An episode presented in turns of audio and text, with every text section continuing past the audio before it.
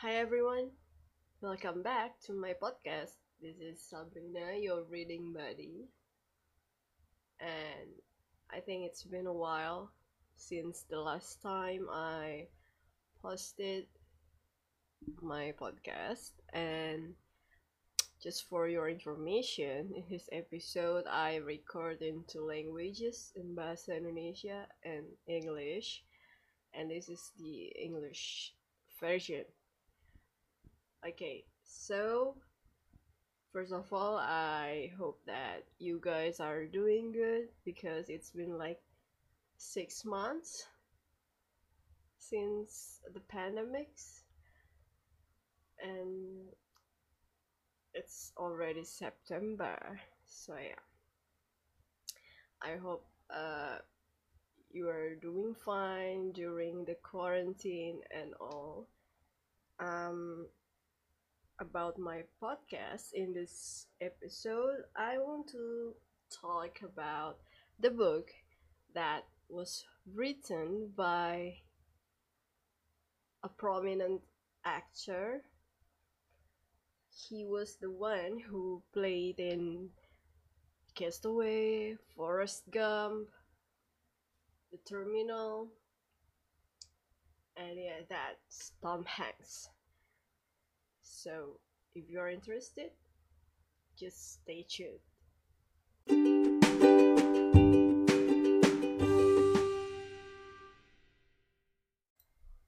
Uncommon Type, that's the title of the book. Actually, uh, this is the short stories collection, so it's not a novel, and it has 17 short stories. The red line between stories is the typewriter, so it is like the typewriter is the cameo of the book, and on the front cover, it also has typewriter picture in it. Um, I think I'm gonna pick three favorite stories of this book so you can catch a glimpse a little bit about this book. However um 17 all of the stories i think it's enjoyable. The first story of the book and the first favorite one is called three exhausting weeks.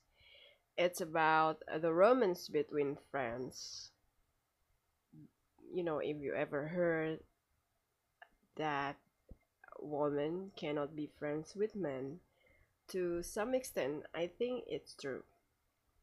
And it reminds me of uh, a phrase by friedrich nietzsche that women can form a friendship with a man very well but to preserve it a slight physical antipathy most probably helps. So yeah if the both parties are attracted to each other either physically or emotionally i think the tendency to be more than just friends is higher. And of course it takes another challenge to leveling up from friendship into romance. And although this romance connection based on friendship is it a guarantee that the persons will be a perfect match? The story of this book will answer that question. And you know the aftertaste of this story it's it made me exhausted and i think it can relate to everyone so yeah that that's why I pick it to my favorite. My second favorite is called a special weekend. This is a story about a boy and his divorced parents. So the plot line is that boy had a getaway weekend with his mom while he was living with his father and his step siblings. And to me the story about broken family and a child or children as victims always heartbreaking. And it's too realistic i think plus the ending of this story gives me chills. It's like i got an uneasy feeling after i read it. That's why i picked this story as my my second favorite. You know it um, it affects me emotionally. And the last one my favorite story is the past is important to us i picked this because the theme of this story is a combination between historical and science fiction about a guy who has access to a time machine. He traveled back and forth to the past and the present, and of course, it has consequences.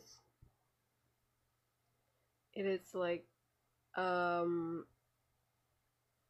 it would give him a physical a certain physical illness if he traveled um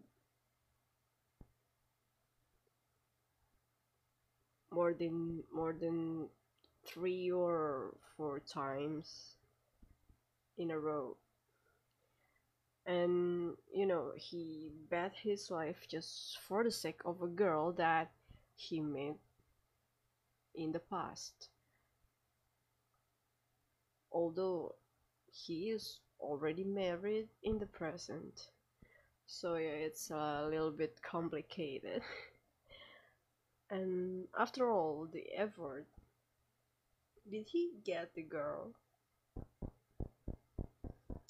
Or what happened to this guy?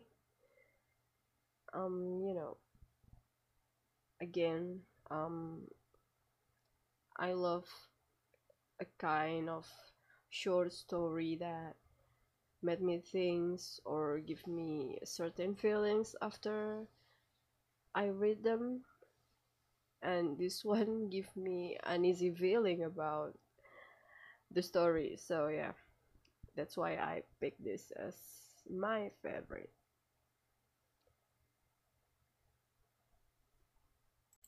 So, the aftertaste of this book. I feel like um, after I read this, I felt like it was a rainy day and I was wrapped in a blanket with hot chocolate and suddenly my lover comes to me and kissed my forehead. That's how I felt about this book. It's heartwarming, it's sweet enough. However, since it was like only a kiss on the forehead, so it has no climax. Everything is just fine. And if I compare this book to the others short stories collection that I've ever read, like Men Without Women by Haruki Murakami, and what we talk about love when we talk about love by Raymond Carver. Um, at some point, um, it's incomparable because um, Haruki Murakami book is always dark and gloomy, and of course, this Uncommon Type is more joyful. I think it's it's it's more colorful, and about Raymond Carver's it's too cold and too realistic yeah so if if you want something that's in the right amount I think um uncommon type is is the right choice you know. It's simple it's sweet um and this is so American. You know if you want something like that and if you want something that just kill your time in the weekend if you need a light reading so yeah. This is the right one for you and I think it cannot go wrong.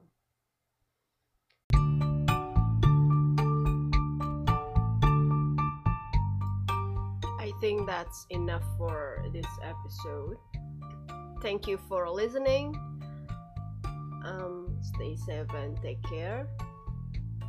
I'll see you in the next episode. Bye.